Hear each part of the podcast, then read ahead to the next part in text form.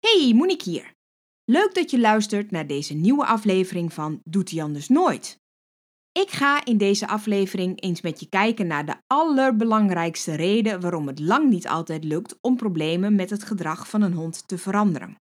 Want dat is waarschijnlijk wat je wilt. Dat je verandert wat je hond doet en het liefst dan ook nog dat je daarbij verandert hoe die zich daarbij voelt. En toch lukt dat niet altijd zo heel erg makkelijk, ondanks alle goede bedoelingen. Om dat uit te kunnen leggen waarom dat heel vaak zo werkt, vergelijk ik hondengedrag vandaag met een taart. Jep, echt waar. En in de vraag van de week bespreek ik of het zo is dat honden lichaamstaal van een ander soms gewoonweg niet begrijpen. Of dat er misschien toch iets anders aan de hand is. Uh, en oh ja, heb je een uitvallende hond? Blijf dan zeker tot het einde van deze aflevering. Ik nodig je daar namelijk uit om mee te doen aan een gratis iets waar je en iets van leert en ook nog eens kans maakt om prijzen te winnen.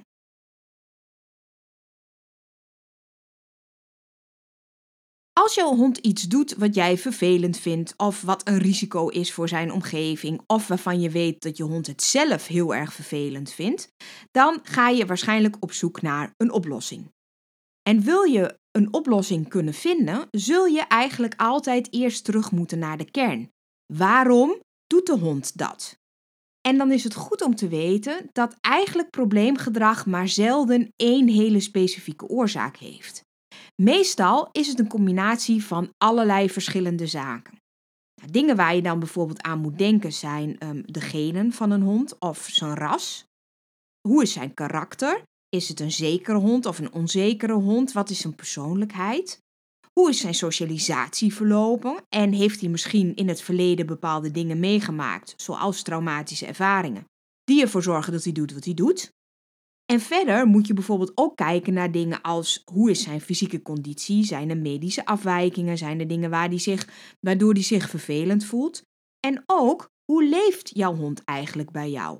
En daarmee heb ik het niet alleen maar over hoe groot is jouw gezin, hoe druk ben je, hoeveel mensen komen er bij je over de vloer, maar ook woon je buitenaf, woon je midden in een woonwijk, heb je buren met veel geluid, is er veel verkeer. Dus die hele woonomgeving speelt vaak ook een rol. En natuurlijk, daar kunnen we niet omheen, waar je ook naar moet kijken is het figuurlijke stressemmertje van je hond. Hoe vol zit die emmer? Hoe vaak wordt die gevuld? Hoe vaak krijgt je hond de gelegenheid om die emmer goed leeg te laten lopen? Als je nu denkt, huh, stressemmertje, waar heeft ze het over? In een van mijn eerdere podcastafleveringen heb ik het uitgebreid gehad over stress en stressreductie en stressemmertje. Dus als dit voor jou een beetje um, raar is, luister dan ook vooral eerst die podcastafleveringen af. Dan wordt het verhaal wat duidelijker. En als je dus zo hoort, hè, al die verschillende factoren, zijn er een paar dingetjes die ik er even uit wil pikken. Als eerste bijvoorbeeld het genenpakket van je hond. En daarmee bedoel ik eigenlijk niet alleen maar welke ras die heeft, of wat zijn voorouders waren, of daar weer de ouders van waren, maar ook wat de rol van de moeder is, bijvoorbeeld. We weten dat een hond Ehm, en dat geldt overigens niet alleen voor honden, dat geldt ook voor allerlei andere diersoorten. We weten dat als de moeder tijdens het laatste trimester van de zwangerschap, bij honden gaat het dus over de laatste drie weken van de zwangerschap, als ze in die periode meer stress heeft, of redelijk veel stress heeft, dan kan dat van invloed zijn op hoe de pups, hoe de nakomelingen, vervolgens reageren uh, op prikkels waar ze aan blootgesteld worden. Het beïnvloedt namelijk, als ik het heel simpel probeer uit te leggen, hoe het zenuwstelsel in elkaar zit en waar jouw hond op gaat reageren als die straks geboren is. En dat is een feit waar je hondje mee geboren wordt, of niet, en waar je achteraf niet zo heel erg veel meer aan kunt doen. Dat is een aanleg, dat is een gevoeligheid en daar zul je mee moeten dealen. Zo geldt ook dat als jij een hond hebt van een ras met een bepaalde predispositie, zoals we dat zo mooi noemen, dus een bepaalde aanleg voor bepaald gedrag, ja, dat dat vaak ook iets is waar je wel met behulp van uh, training en begeleiding en management dingen aan kunt veranderen. Maar je prognose wordt daardoor wel beïnvloed. En dan Waar ik dan bijvoorbeeld aan denk zijn um, Friese en, en border collies, die bijvoorbeeld makkelijk geluidsgevoelig zijn. Laat ik heel duidelijk stellen, zeker niet elke border collie en zeker niet elke Friese stabij is gevoelig voor geluid. Er zijn ook honden van die rassen die niet geluidsgevoelig zijn. Maar het is iets wat je bijvoorbeeld bij die rassen vaker naar voren ziet komen. En zo zijn er meerdere rassen met specifiekere probleemgedragingen, die dan ja, al, al ingebakken zitten in zo'n hondje van tevoren, voordat je hem krijgt en voordat je daar ook maar iets aan hebt kunnen doen. Uh, dus dat is wel iets wat denk ik belangrijk is om je dat te realiseren, dat je op het moment dat je een hond in huis krijgt, dat je daar voor een deel nog wat aan kunt bijschaven tussen haakjes. Ik vind het altijd een beetje een nawoord. Maar dat er ook dingen zijn ja, die gewoon zijn zoals ze zijn en waar je ja, op verder zou moeten bouwen. Nou, en als een hond probleemgedrag laat zien, dan wordt er heel vaak alleen maar naar die ene situatie gekeken of naar die ene context gekeken waarbinnen een hond op een bepaalde manier reageert. Een manier die wij dan dus vaak heel erg onprettig vinden. En heel vaak, en ik hoop als je naar deze podcast luistert dat dat voor jou al minder vanzelfsprekend is. Maar heel vaak is het zo dat een eigenaar vooral kijkt naar situaties die voor haar of voor hem zelf vervelend zijn. Uitvallende honden zijn heel vaak vervelend voor eigenaren die ze moeten uitlaten. Honden die niet alleen kunnen zijn, zijn heel vaak erg vervelend voor een eigenaar die zich daardoor beperkt voelt om de deur uit te gaan of niet. Honden die binnenshuis ruzie maken met elkaar zijn voor eigenaren heel erg lastig, omdat dat betekent dat je ze zoveel mogelijk uit elkaar moet halen. En ik zou de aller, aller, aller, allerlaatste zijn die geen begrip heeft voor het feit dat jij als eigenaar zijnde problemen ondervindt en beperkt wordt misschien zelfs wel in je dagelijks leven door het gedrag van je hond. Dus het is ook prima om te kijken of je jouw probleem kunt oplossen. Maar Vergeet daarbij niet dat jouw hond waarschijnlijk ook een probleem heeft. De meeste problemen voor onze als eigenaar zijn heel vaak ook een probleem voor de hond op zich. De meeste probleemgedrag wordt namelijk veroorzaakt omdat een hond zich op zo'n moment niet prettig voelt. Een hond is bang, een hond is boos, een hond is gefrustreerd, een hond voelt zich eenzaam. Dat zijn allemaal aanleidingen voor een hond om bepaald gedrag te laten zien wat voor ons vervelend is. En ik zou het zo fijn vinden dat als je wilt proberen om het probleem voor jou op te lossen, dat je dan ook kijkt naar, maar wat is dan ook het probleem van mijn hond? Kan ik letterlijk en figuurlijk, twee vliegen in één klap slaan en ervoor zorgen dat mijn hond zich prettiger voelt en dat daarmee dus ook het probleem van jou opgelost is. En dat gebeurt lang niet altijd. Het gevolg daarvan is dat er heel vaak dus alleen maar naar die ene specifieke context en prikkel gekeken wordt en dat heel vaak de focus ligt op training. Dat mensen het gedrag proberen te veranderen door alleen maar te trainen. En begrijp me niet verkeerd. Meestal geldt dat er zonder training, zeker voor de langere termijn, niet een oplossing is. Wil je op de langere termijn iets doen aan het gedrag van je hond, zul je zeker ook moeten trainen. Maar als je traint, verander je lang niet altijd iets aan de kern van het probleem, aan die onderliggende emotie. En ik vergelijk dat eigenlijk altijd aan de hand van um, een gang naar de fysiotherapeut. Stel, jij bent um, verpleegkundige, je doet dus zwaar werk en je tilt veel en je bukt veel en er zijn een heleboel dingen die veel vragen van jouw lichaam.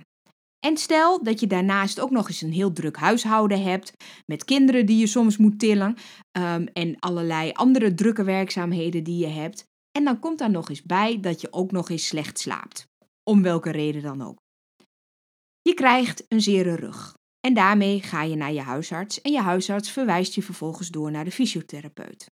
Dan kom je bij de fysiotherapeut en die zegt: Nou, nou, um, ik heb hier een aantal oefeningen voor je. Als je die maar structureel doet, dan wordt het vanzelf beter.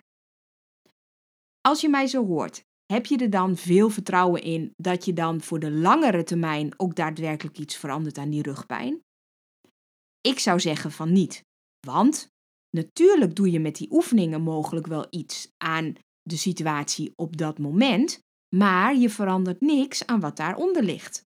Namelijk dat je zwaar lichamelijk werk hebt, gecombineerd met een druk leven waarin je ook nog veel van je lichaam vraagt. En daarnaast heeft je lijf weinig tijd om te herstellen, en je geest overigens ook, omdat je om welke reden dan ook te weinig slaapt.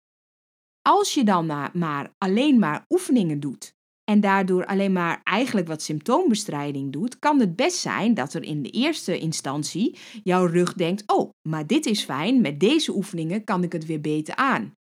Tot het moment dat het lichaam dat niet meer kan. En zo geldt het dan voor je hond eigenlijk ook. En hiermee pak ik gelijk ook een ander stukje. Ik hoop dat het je daarmee duidelijker wordt. En dat is namelijk dat wij, tenminste, laat ik voor mezelf spreken, als ik naar de fysiotherapeut ga en ik, omdat ik ergens in mijn lichaam last heb, doe ik in de eerste periode heel fanatiek en echt heel erg conscientieus al mijn oefeningen. Want ik heb er last van. Ik heb ergens pijn, ik heb ergens ongemak. Als door die oefeningen, en dat weet ik bewust, zeg maar, weet ik dat best, maar als ik door die oefeningen uiteindelijk minder pijn heb, minder ongemak heb, verwatert het doen van mijn oefeningen. Als dat voor jou niet geldt, echt, ik ga een standbeeld voor je oprichten, maar ik denk dat dit voor een heleboel mensen geldt. En zo geldt dat ook voor honden, hun problemen en hun gedrag. Als eigenaar zijnde, en dat zie ik echt heel vaak in de dagelijkse praktijk, zijn de meeste mensen heel erg gemotiveerd om oefeningen te doen. Lees om te gaan trainen met een hond. Want ze hebben op dat moment een probleem en ze willen graag dat daar een oplossing voor is. En als je dan gaat oefenen, zul je zien dat het gedrag van de hond uiteindelijk verbetert.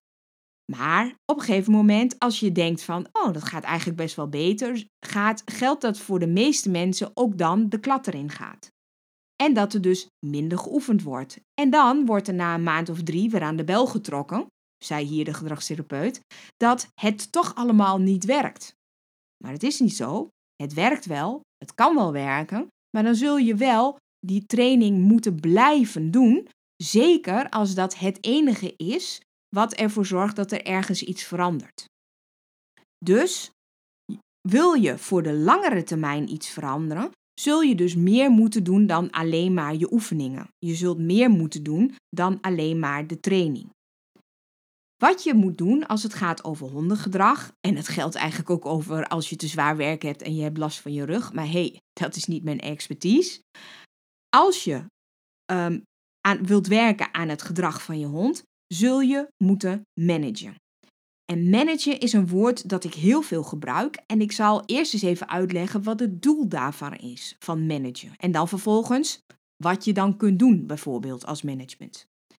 Nou, eigenlijk heeft management in de grote lijn drie verschillende doelen.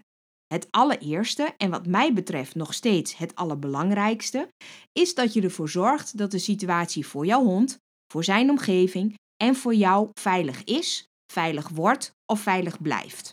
Hangt er natuurlijk vanaf wat je uitgangspositie is, maar die veiligheid moet altijd bovenaan staan. Dat is het aller, aller, allerbelangrijkste doel van management in eerste instantie. Als je daarvoor gezorgd hebt, als je die veiligheid kunt garanderen, of voor zover mogelijk dat te garanderen is, is een tweede doel van management dat je ervoor gaat zorgen dat je hond niet meer kan oefenen in zijn ongewenste gedrag.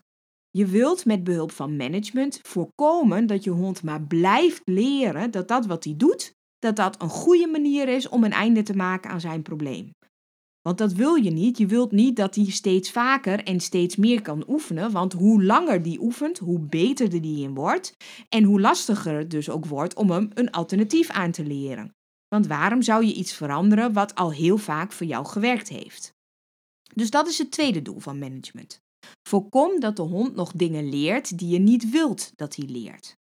En dan is het derde doel van management dat je ervoor gaat zorgen of probeert te zorgen dat de stressemmer van je hond zo leeg mogelijk wordt. Hij moet niet helemaal leeg zijn, hè, want dan gaat je hond dood. Maar zo leeg mogelijk wordt. Um, en dat hij dus niet verder gevuld wordt met nog allerlei andere dingen. En management is dus eigenlijk alles wat je kunt doen in de omgeving van de hond zonder training, wat ervoor kan zorgen dat je de veiligheid kunt garanderen, dat je kunt voorkomen dat je hond nog dingen leert die je niet wilt dat hij leert en dat die stressemmer leger wordt. En dat kan dus van alles zijn. Ik ga je straks een aantal voorbeelden en een aantal casussen geven om meer te illustreren wat nou management is. Maar eigenlijk is het dus een heel duur woord voor het aanpassen van dingen in de omgeving van de hond, zodat hij die drie verschillende doelen kan bereiken. En ik wil je dat uitleggen bijvoorbeeld aan de hand van uh, Elsa. Elsa was een teef uit het buitenland. Ze was met ongeveer een half jaar oud hier naar Nederland toegekomen. Uh, en inmiddels, op het moment dat haar eigenaresse Ellen mij belde, was ze ongeveer vijf jaar oud. Helemaal zeker wisten we het natuurlijk niet, want um, er was niet een duidelijk um, moment van geboorte, zullen we maar zeggen. En het probleem met Elsa was dat ze dus, als ze op straat andere honden tegenkwam, dat ze helemaal uit de plaat ging. Ze trok aan de lijn, ze ging grommen, ze ging blaffen, ze ging op haar achterpoten staan. En als ze de kans kreeg, zou ze ook daadwerkelijk bijten.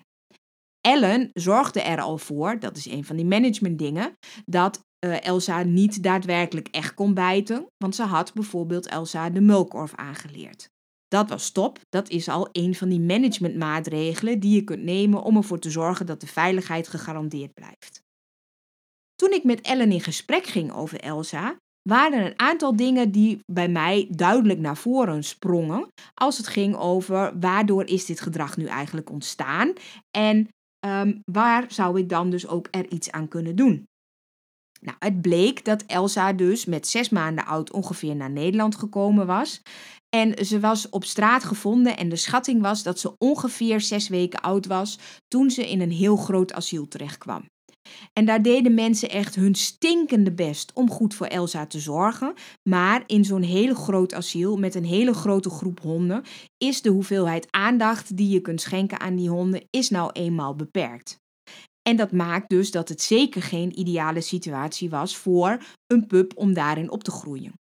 De socialisatie van Elsa was dus niet zo heel erg goed. Ze had um, eigenlijk niet kennis gemaakt met dingen op straat, met andere mensen, niet met verkeer. Uh, en toch is ze naar Nederland gekomen. Het feit dat ze met zes weken oud gevonden was, doet vermoeden, en helemaal zeker weten we dat natuurlijk niet, maar doet vermoeden dat die moeder van Elsa waarschijnlijk in die laatste drie weken van de dracht wel stress gehad heeft. Eh, de inschatting is dat Elsa waarschijnlijk geboren is bij een zwerfhond, maar zoals gezegd, dat weten we niet helemaal zeker. En daarmee loop je dus het risico dat haar stresssysteem, haar zenuwstelsel, overgevoelig zou kunnen reageren. Ze heeft dus van het moment dat ze zes weken oud was totdat ze ongeveer zes maanden oud was, in een groot asiel gezeten waar ze samenleefde met een heleboel andere honden. En misschien denk je dan, nou, dat is toch een super socialisatie. Maar socialisatie is niet zozeer het blootgesteld worden aan, in dit geval andere honden, maar gaat erom dat een hond een positieve of een neutrale associatie heeft met, in dit geval, andere honden.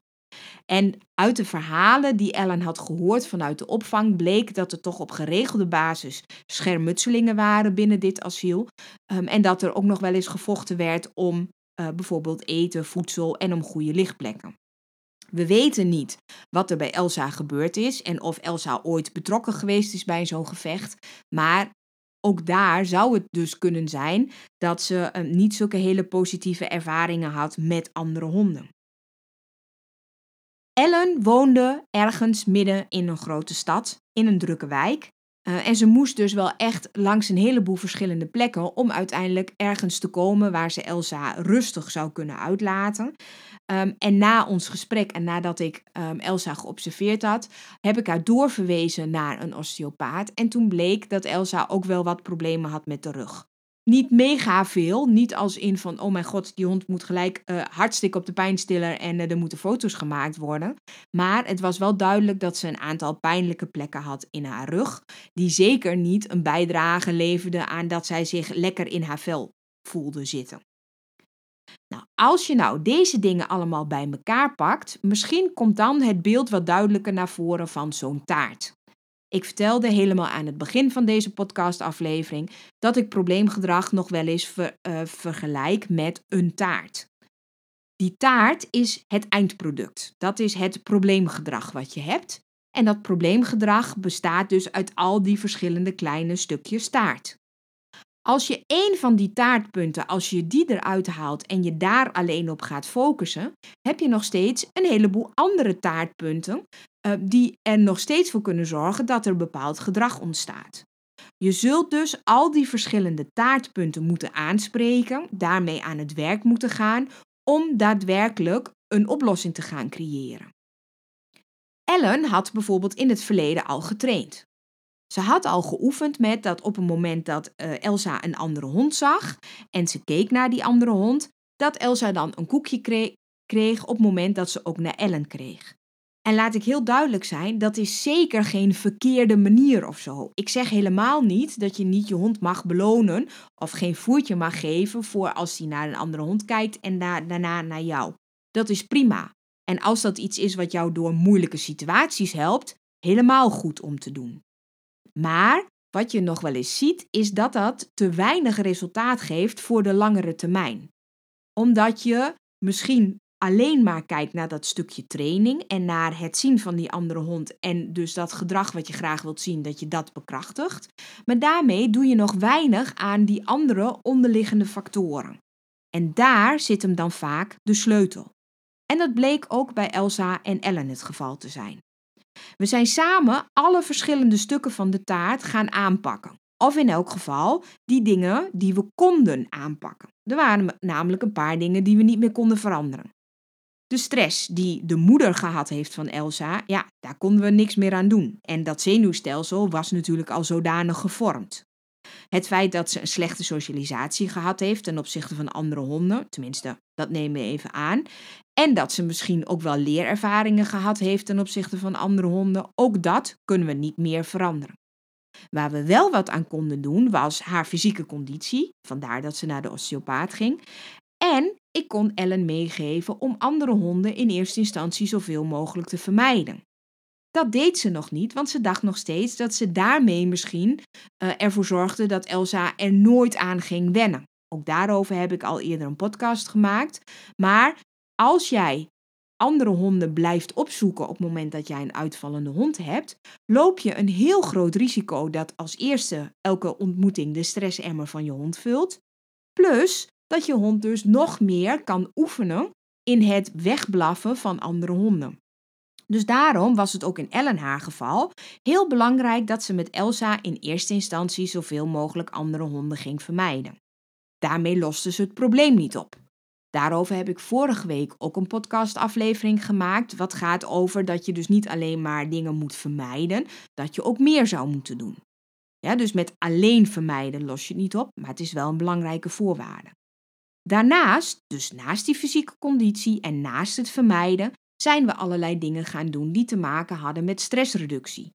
Er waren nog verschillende dingen die Ellen kon doen, um, zoals bijvoorbeeld meer werken met de neus en een aantal oefeningetjes doen, zodat het zelfvertrouwen van uh, Elsa ook wat beter werd en wat groter werd. En als gevolg van die hele combinatie, dus van en de training en het, het, die fysieke conditie en het vermijden en de stressreductie, zorgden we ervoor dat het veiliger werd voor Elsa.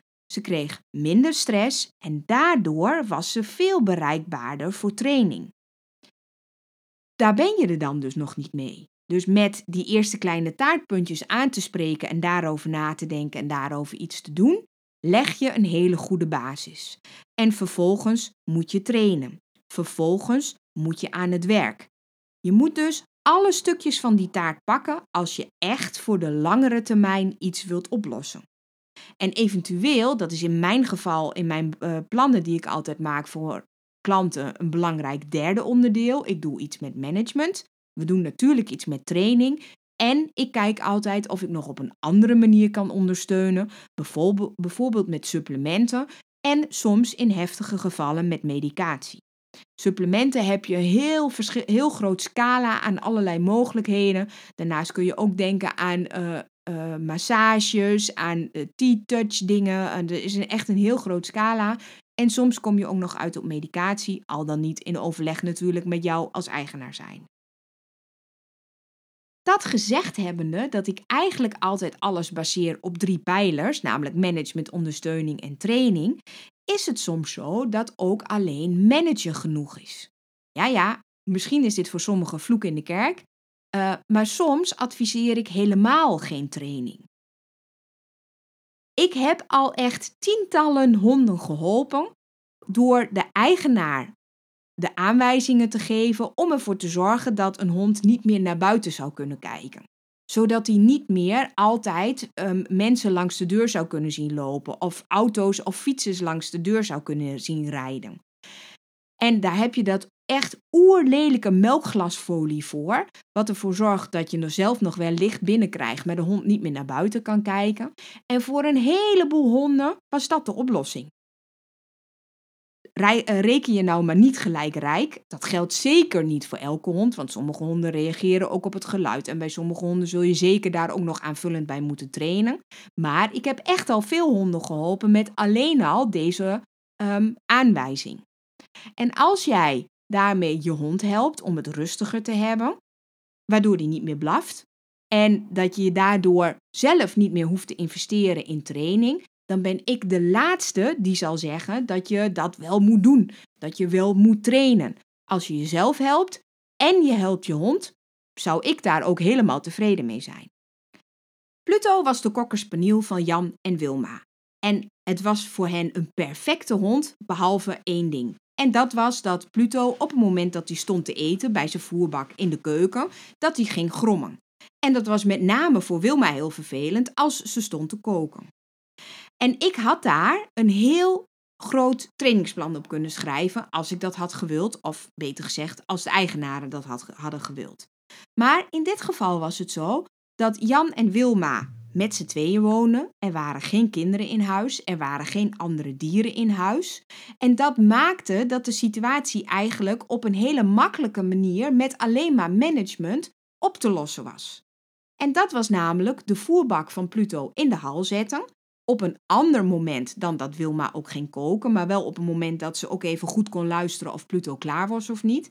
Ze zette de bak in de hal, ze liet Pluto naar de hal gaan. Na een minuut of vijf à tien deed ze de deur weer open, strooide ze voertjes de huiskamer in, liep ze de hal in, pakte ze de bak weg, ondertussen at Pluto zijn brokjes op.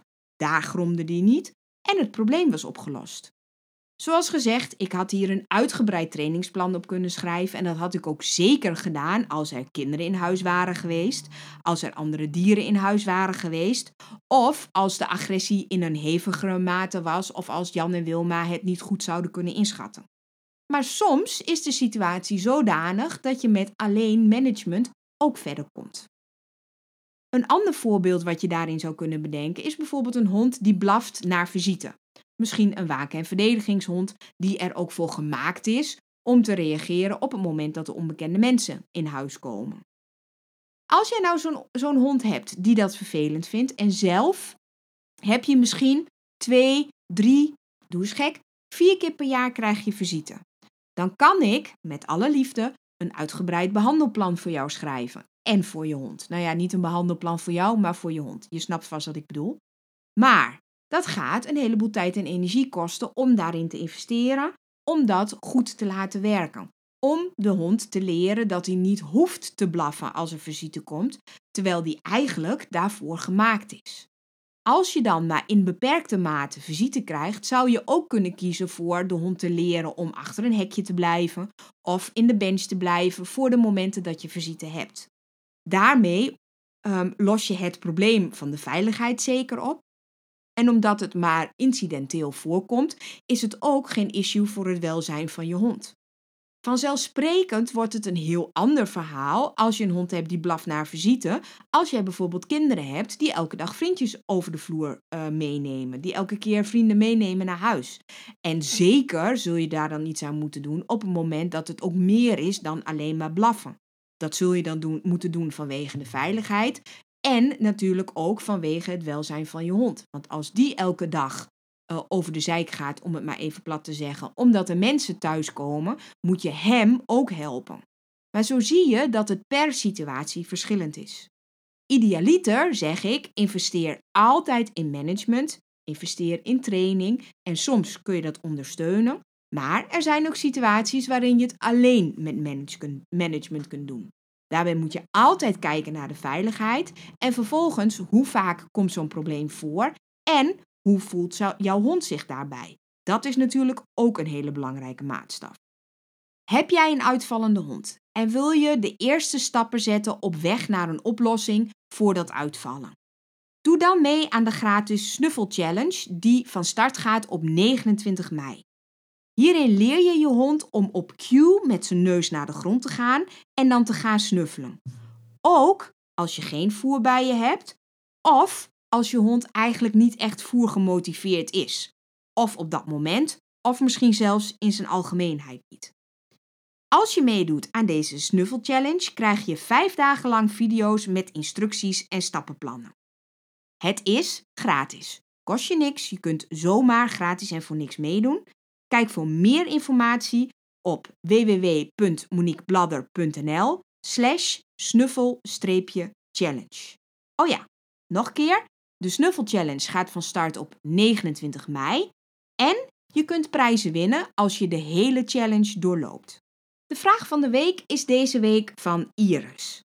En Iris.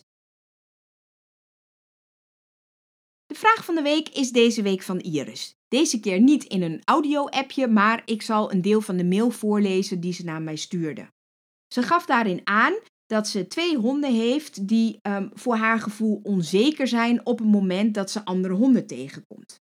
Daarover schrijft ze: Dit gaat dan gepaard met piepen, onrust en vooral heel veel rijden op de andere honden. Ze doen dit samen, maar ook als ik ze individueel in contact breng met een andere hond. Ik kan me voorstellen dat dit een vervelende situatie is, Iris. En, ook, uh, en ik vind het ook goed dat je daarvoor op zoek bent naar een oplossing of in elk geval een antwoord waarom ze dat doen en uh, hoe je ervoor kunt zorgen dat ze dat minder gaan doen. Nou, als eerste, dat rijgedrag heeft heel vaak te maken met stress. Um, bijna altijd eigenlijk, behalve als het natuurlijk een loopse teef is waar ze, of een bijna loopse teef is waar ze dan op rijden. Maar als het zeker is op andere reuien of op gecastreerde eh, teven of gecastreerde reuien, is het bijna altijd stressgerelateerd. En het feit dat ze op zo'n moment niet naar je luisteren en dat ze niet bereikbaar zijn, um, dan heeft dat heel vaak te maken met de emotie en de opwinding die daarbij meespeelt. Op het moment dat je heel opgewonden bent over iets, dan uh, ja, ben je gewoon minder bereikbaar. Het kan ook zijn dat ze op zo'n moment um, ja, zodanig in hun gedrag verzonken zijn dat ze ook daardoor echt niet bereikbaar zijn. De oplossing zit hem dan vooral in het nog beter aanleren van de zogenoemde eh, recall, oftewel het komen. Maar je dan dus ook te realiseren dat er zoveel emotie of opwinding bij zit, dat het zelfs kan zijn dat hoe goed je het ook leert, dat het dan ook nog lastig voor je honden wordt om daarnaar te luisteren. En wat ik in het verlengde van dit soort vragen als die van jou, Iris, heel vaak hoor, is dat mensen denken of veronderstellen dat een van de twee partijen, zo noem ik het dan maar even, de lichaamstaal van de ander niet goed begrijpt. Of dat ze daar niet naar luisteren. Um, maar ik denk eigenlijk, als ik heel eerlijk ben, dat het wat anders zit. Op het, op het moment dat iemand iets tegen mij zegt wat ik niet wil horen of wat ik niet belangrijk genoeg vind, dan zou ik dat ook kunnen negeren. Dat betekent niet dat ik de ander niet begrijp of dat ik daar niet naar wil luisteren, maar ja, het betekent dat ik gewoon mijn eigen motivatie heb. Ik heb zelf andere belangen um, en het niet goed kunnen herkennen van de lichaamstaal is eigenlijk iets wat ik maar heel, heel zelden daadwerkelijk zie. Dat is zoiets wat zo in het genenpakket zit van een hond, dat ik denk dat er eigenlijk maar weinig honden zijn die dat niet herkennen. Maar het kan wel zijn dat ze een keuze maken om er niks mee te doen. Dat was niet helemaal exact jouw vraag, maar ik hoop toch, Iris, dat ik die voor jou beantwoord heb. En uh, door die vraag van je te beantwoorden, win je een Bello-box naar keuze. Oh, trouwens, ook als je geen vraag van de week hebt, heb ik iets leuks voor je. Je kunt namelijk met 10% korting zo'n Bello-box bestellen met daarin 100% natuurlijke snacks. Het enige wat je daarvoor hoeft te doen is naar de website gaan van Bellobox, bellobox.nl en daar de kortingscode BLADDER invullen. Let op, dat schrijf je met alleen maar hoofdletters en het is dus gewoon de, mijn achternaam. Bellobox stelt namelijk voor iedere vraag van de week die ik in deze podcast beantwoord een mooie Bellobox naar keuze ter beschikking en daar ben ik echt super blij mee. Dankjewel.